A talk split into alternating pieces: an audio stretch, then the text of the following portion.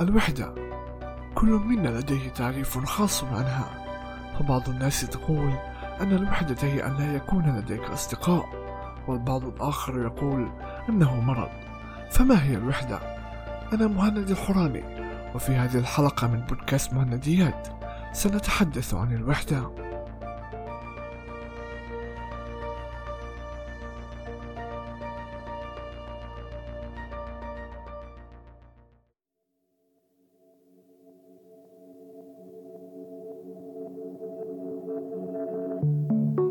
إذا الوحدة هي جزء لا يتجزأ من حياتنا.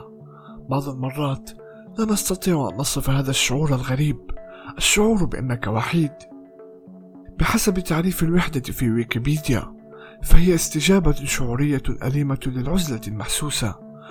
توصف الوحدة أيضا على أنها ألم نفسي آلية نفسية تحفز الأفراد على السعي خلف التواصل. غالبا ما تقترن بافتقار غير مرغوب به للاتصال والحميمية. تتداخل الوحدة مع الاجتماعي الانعزالي لكنها مستقلة عنه رغم ذلك. الانعزال ببساطة هو حالة الكينونة منعزلا عن الآخرين ولا يشعر كل من يختبر الانعزال بالوحدة باعتبارها شعورا ذاتيا. يمكن أن يشعر المرء بالوحدة حتى وهو محاط بأناس آخرين فالشخص الذي يشعر بالوحدة وحيد.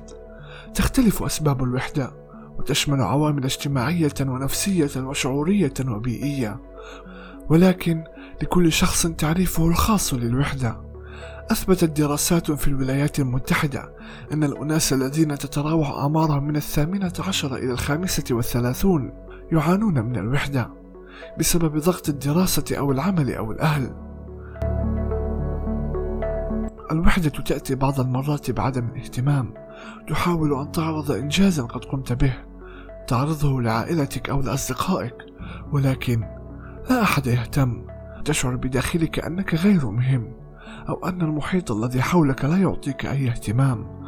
فتفضل الجلوس وحدك في عالمك الخاص في منطقة الراحة التي تكون بها سعيدا ومرتاحا.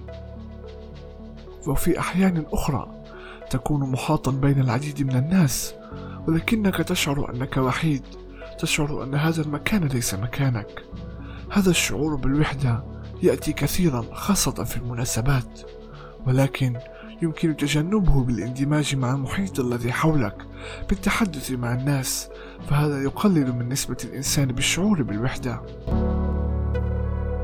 ليس عيبا في أن تقضي بعض الوقت لوحدك أن تأخذ فترة نقاهة من الأعمال والأشغال. بعض الناس عندما تقوم بذلك يظنون أنك مجنون أو مريض نفسي أو غير اجتماعي أو أنك متوحد ولكن كل هذا خاطئ. يجب على الإنسان أن ينفرد بنفسه من حين لآخر أن يرتب أفكاره أن يسترخي. الإنسان يجب أن يهتم بصحته النفسية كما يهتم بصحته الجسدية. فالضغط المتواصل قد يسبب الاكتئاب والعزلة والتوحد وإذا زاد عن حده قد يسبب الانتحار. تصبح هناك فجوة كبيرة غطاء أسود قاتم يحبسك بالداخل أكثر وأكثر ويكبر مع كل مرة حتى يصبح من الصعب الخروج منها. الاختلاء بالنفس كما له فوائد فله مضار أيضا. لا يجب أن تبقى لوحدك لفترة طويلة. وأن تظل وحيدا دون أن ترجع للعالم الخارجي.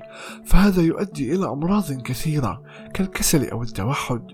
فكونوا وسطاء اختلوا بنفسكم وارتاحوا. وبعد ذلك ارجعوا إلى العالم الخارجي. الله سبحانه وتعالى خلقنا شعوبا وقبائل للتعارف ونستكشف الحياة ونتعرف على شتى الحضارات والعادات والتقاليد. إذا كنت مهموما تشعر بالوحدة تحدث مع شخص تثق به ومقرب لك شاركه همومك ومشاعرك ولا تكتم داخل قلبك. فالكتمان والصبر يبقى لفترة محدودة ولكن في يوم من الأيام هذا الكتمان سيؤدي إلى الانفجار. وهذا الانفجار ربما يؤدي إلى فقدان شخص عزيز لك أو ربما يؤدي إلى فقدان نفسك. إذا لم يكن هناك أحد لتتحدث معه. اكتب. هات ورقة وقلم. واكتب همومك. أخرج كل ما في قلبك. ودع القلم يكتب ما بداخلك. أخرج كل شيء. أخرجه كله. عندما تخرج كل مشاعرك كل تلك الهموم التي كانت محبوسة في قلبك ستشعر أنك مرتاح.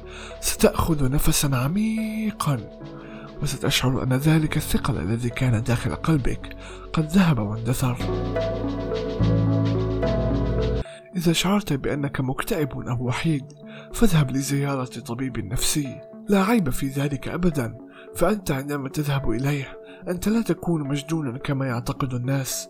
فالطبيب النفسي سيكون صديقك وسيكون هو المستمع لك فهدفه هو الإنصات لك وأن تحكي معه. أخيرا سألتكم على حساب الإنستغرام عن رأيكم في الوحدة وما تعريف الوحدة بوجهة نظر كل شخص منكم. إذا كنتم تريدون أيضا المشاركة ومتابعة آخر المستجدات يمكنكم التواصل معي في صفحة الإنستغرام مهند فويسز. ستجدونها أيضا في وصف هذه الحلقة. يقول صديقنا التركي عن الوحدة أنها الهدوء الراحة الملل والاكتئاب. ويقول صديقنا محمود أن الوحدة هي إدمان الحب لنفسي. وتقول صديقتنا شوقية أن الوحدة هي راحة البال. وتقول صديقتنا ميساكي أن الوحدة هي أن تشعر بالبعد عن الجميع رغم وجوده. وتقول الأميرة روز أن الوحدة هي عندما لا تلتقي بأحد وأنت في رحلة طويلة وكان الصمت قد حكم عالمك فلا يوجد غير صفحة بيضاء خاوية. وتقول صديقتنا هديل أن الوحدة هي سواد.